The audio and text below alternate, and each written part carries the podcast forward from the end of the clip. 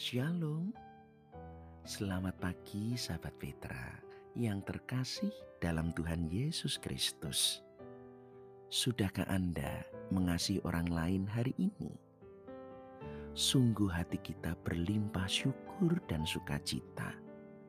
Sebab Tuhan yang telah melindungi kita sepanjang malam saat kita beristirahat telah membangunkan kita dan mempersatukan kita bersama mengawali hari di hadiratnya. Sahabat Petra, kita berjumpa kembali pada Embun Pagi edisi Kamis 19 Mei 2022 pada Radio Petra 105,7 FM yang saat ini bersama dengan saya Pendeta Yusuf Kristion Groho dari GKJ Wirobrajan. Kiranya firman Tuhan akan menjadi sumber makanan bagi jiwa kita dan kekuatan untuk melewati hari ini. Bersama kita mempergumulkan sebuah tema. Pertobatan Saulus. Penyebabnya yang terambil dari kisah para rasul pasal 9 ayatnya yang keempat. Karena itu sahabat Petra, kini mari kita siapkan hati kita bersama untuk memasuki hadirat Allah. Kita berdoa. Segenap hormat, sembah, puji dan syukur kami naikkan kepadamu, ya Allah Bapa pencipta langit dan bumi Ya Yesus Kristus Juru Selamat dan penebus kami yang hidup. Dan ya Allah Roh Kudus, sumber pertolongan dan penghiburan kami. Sungguh kami bersuka cita jika engkau kembali karunia kami kesempatan pada hari ini untuk melanjutkan kehidupan. Bahkan di saat kami beristirahat, engkau tidak meninggalkan Engkau telah memulihkan tubuh, jiwa, dan roh kami. Dan kini saat kami telah membuka mata, telah Engkau sediakan sebuah hari baru yang akan kami lewati. Semua terjadi sebelum kami minta. Segala yang terbaik telah kami terima. Hanya karena kasih setia dan kemurahan-Mu saja dalam kehidupan kami. Karena itu Bapa, kami tidak ingin melangkah melewati hari ini tanpa tuntunan dan penyertaan-Mu. Sebab betapa kami rindu dengan kebenaran-Mu. Kami boleh berjalan seturut rancangan-Mu. Kami boleh menjadi berkat bagi banyak orang. Dan biarlah hidup kami yang singkat. Di sana Tuhan dipermuliakan. Karena itu Bapa lihatlah kami segenap sahabat Petra yang telah bersujud di hadiratmu yang kudus, yang dengan penuh harap dan kehausan kami boleh menerima kebenaran firman Tuhan yang akan menjadi pelita, penuntun, suluh bagi langkah kehidupan kami. Bersabdalah, kami anak-anakmu siap untuk mendengar. Mampukan kami dalam pertolongan roh kudusmu untuk dapat mengerti, menghayati dan melakukan.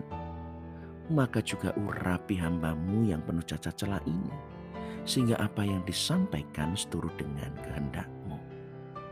Kini, kami anak-anakmu siap untuk mendengar.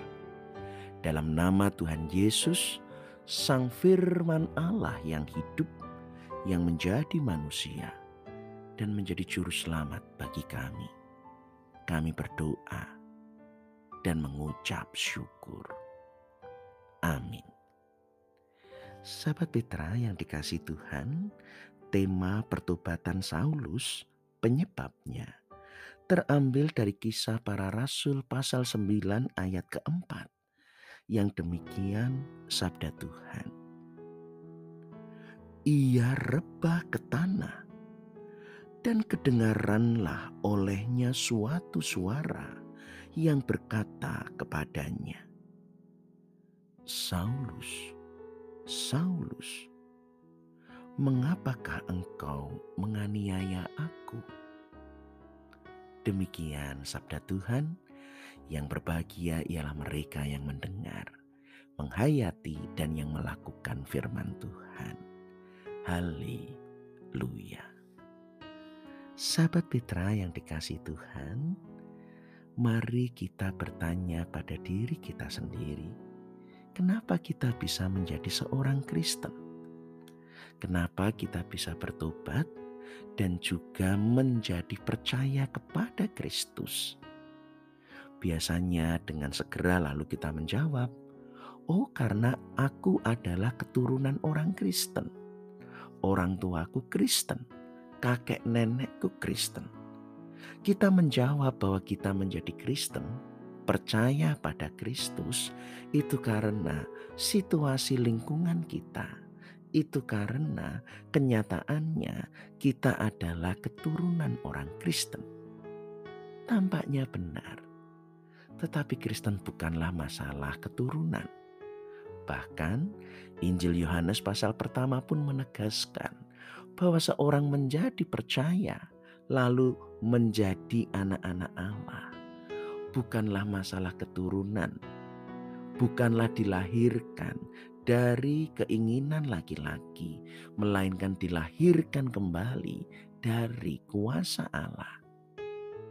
Ada lagi yang menjawab, "Oh, kalau begitu saya menjadi Kristen dan percaya pada Kristus." Itu karena saya akhirnya mengambil keputusan untuk menjadi Kristen. Setelah saya tahu, saya mengerti, lalu saya mengambil keputusan untuk menjadi Kristen. Jawaban ini pun sejatinya keliru. Sebab Kristen bukanlah sekedar pilihan pribadi Bahkan menjadi Kristen juga bukanlah sebuah keputusan manusiawi yang menentukan mana agama yang dipilihnya. Karena Kristen adalah iman. Sahabat Petra yang dikasih Tuhan, karena itu hari ini firman Tuhan menyapa kita supaya kita belajar dari pertobatan Saulus. Bagaimana Saulus juga bisa percaya kepada Allah ia bertobat, meninggalkan kejahatannya. Ia percaya, berbalik kepada Allah. Dan kini kita mengerti jawaban penyebab seorang boleh bertobat dan percaya bukanlah situasi lingkungan seperti keturunan, bukan juga karena keputusan pribadi atau pilihan akal budi manusia, melainkan karena kedaulatan dan anugerah Allah. Jangan bayangkan orang bertobat meninggalkan kejahatan hanya karena mengalami kecelakaan ataupun kemalangan. Sebab jika demikian agama hanya menjadi jawaban atas krisis. Seperti orang kenapa berdoa waktu malam? Karena gelap. Kalau siang nggak perlu berdoa. Agama seperti ini adalah agama krisis yang hanya menjawab dalam situasi-situasi yang sulit. Iman yang seperti ini adalah iman yang seakan-akan menjadikan Allah tambal butuh dalam kehidupan manusia. Tetapi jika seorang berbalik, bahkan menjadi percaya kepada Allah, semua karena kedaulatan Allah dan inilah yang menjadi penyebab pertobatan Paulus. Paulus tidak mengambil keputusan untuk percaya kepada Kristus. Bahkan Paulus adalah seorang yang benar-benar membenci hingga ingin menganiaya para pengikut Kristus. Saulus nama sebelumnya itu bahkan menyaksikan bagaimana Stefanus mati. Tetapi kenyataannya anugerah Allah lah yang telah memanggilnya. Anugerah Allah lah yang telah memilihnya. Sehingga ia kemudian menjadi percaya. Kenapa seseorang bertobat? Tidak ada jawaban lain kecuali adalah Allah yang telah memilih. Allah yang telah memanggil kita Saulus, Saulus. Itu berarti Allah yang memilih, Allah yang memanggil. Ini bukan berarti lalu seakan-akan tanggapan hati tidak perlu. Tetapi mari kita hayati bahwa percaya pada Allah karena rahmat bukan usaha manusia. Inilah yang harus menjadi dasar supaya dengan demikian kita tidak berhak menghakimi orang sejahat apa pun. Orang sekeras hatinya begitu wangkot. Itu pun tetap dapat dilembutkan oleh Allah. Sebab bertobat dan percaya justru karena rahmat Allah yang dapat mengubah hati manusia. Tetapi kita juga menemukan pelajaran yang kedua bahwa bertobat dan menjadi percaya, sekalipun itu adalah panggilan Allah, tetapi bukan berarti anugerah Allah, kedaulatan Allah menjadi memaksa manusia, menindas kehendak bebas manusia.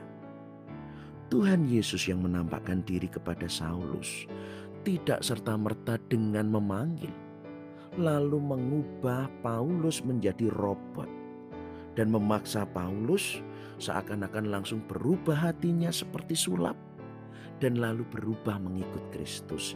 Tidak. Allah pun bertanya, "Mengapa engkau menganiaya aku?"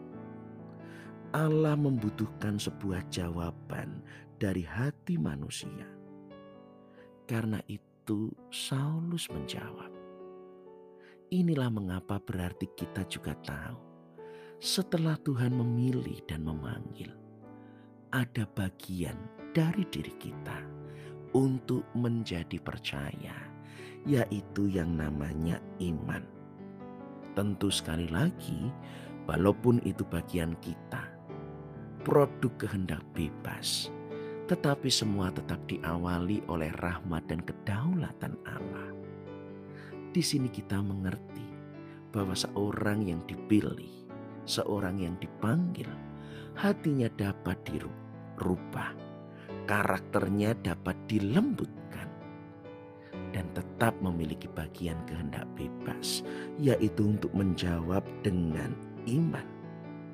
Tuhan tidak memaksa, tidak mencuci otak, Roh Kudus bukan roh yang lalu merasuki, seakan-akan orang kehilangan kesadaran, lalu dia bisa-bisa lalu menjadi percaya begitu saja. Roh Kudus adalah roh yang lembut, yang menuntun untuk percaya, dan yang membuat kita bersedia oleh iman untuk diproses sehari demi sehari, semakin serupa dengan Kristus, bahkan sekalipun berawal dari seorang penganiaya seperti Saulus. Karena itu, sahabat Petra, cukuplah hari ini kita belajar menjadi Kristen, bertobat dan percaya pada Kristus. Itu adalah panggilan Tuhan. Itu adalah rahmat kedaulatan Allah. Dan justru itu, sekali lagi, kita tidak perlu menghakimi orang jahat.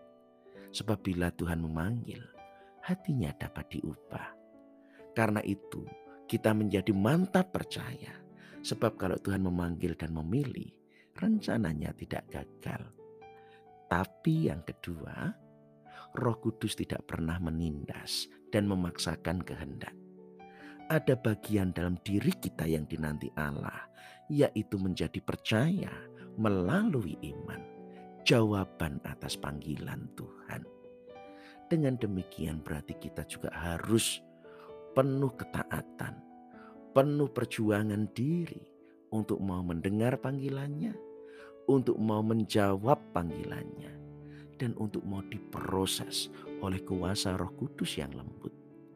Sebab kita pun bisa mengeraskan hati dan menolak. Tetapi kuasa Allah akan selalu menuntun orang kepada rahmat Tuhan dan percaya kepada kasih setianya. Tuhan memberkati. Amin. Mari kita berdoa. Bapa yang bertahta dalam kerajaan surga, kami bersyukur dan bersuka cita. Sebab bersama segenap sahabat Petra kami mengawali hari di hadiratmu yang kudus. Engkau menyapa kami dengan kebenaran firman. Betapa beruntung dan bersuka citanya kami. Sebab sekalipun kami jahat dan berhati keras, Engkau berkenan memilih dan memanggil kami. Betapa bersuka citanya kami.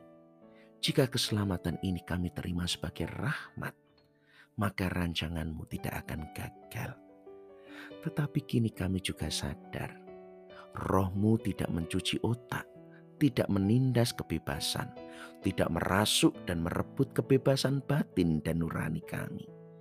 Sehingga biarlah rahmat dan anugerahmu menjadi nyata dengan keberanian kami untuk mendengar sungguh-sungguh dan untuk menjawab setiap panggilanmu. Dengan demikian rahmatmu menjadi nyata bahwa kami berjalan di jalanmu, bahwa kami melakukan kehendakmu dengan penuh sukacita sebagai orang-orang pilihan yang telah dipanggil oleh keselamatanmu. Dan kini Bapa, kami menyerahkan hari ini tuntun kami sehingga kami berjalan di jalanmu. Lindungi kami sehingga kami dijauhkan dari berbagai cobaan, godaan ataupun kecelakaan. Peliharalah kami sehingga kami tidak menanggung kekurangan apa pun. Biarlah kehidupan kami boleh menggenapkan seturut rancanganmu sehingga kami pun boleh menjadi berkat bagi banyak orang. Kami mohon belas kasih Tuhan atas segenap sahabat Petra yang sedang sakit. Engkau melawat, menghibur, menganugerahkan kekuatan dan kesembuhan. Demikian juga bagi segenap usia lanjut, di balik segala kelemahan mereka, Engkau menopang, menganugerahkan kekuatan, menganugerahkan hati yang berlimpah dengan damai sejahtera. Engkau mengaruniakan pertolongan bagi segenap sahabat Petra yang dalam pergumulan. Mampukan mereka untuk memenangkan segala pergumulan oleh kuasa keselamatanmu. Mereka taat, mereka hidup berkemenangan, dan justru dalam pergumulan demi pergumulan, di sanalah keselamatan jiwa kami, Engkau sempurnakan. Kini Bapa, kami siap melewati hari ini dalam tuntunanmu baik di dalam belajar, dalam bekerja, atau mengisi hari-hari hidup kami bersama dengan Tuhan. Terima kasih Bapa, dalam nama Tuhan Yesus Kristus Putramu yang tunggal, Juru Selamat dan Penebus kami yang hidup, kami telah berdoa dan mengucap syukur. Amin.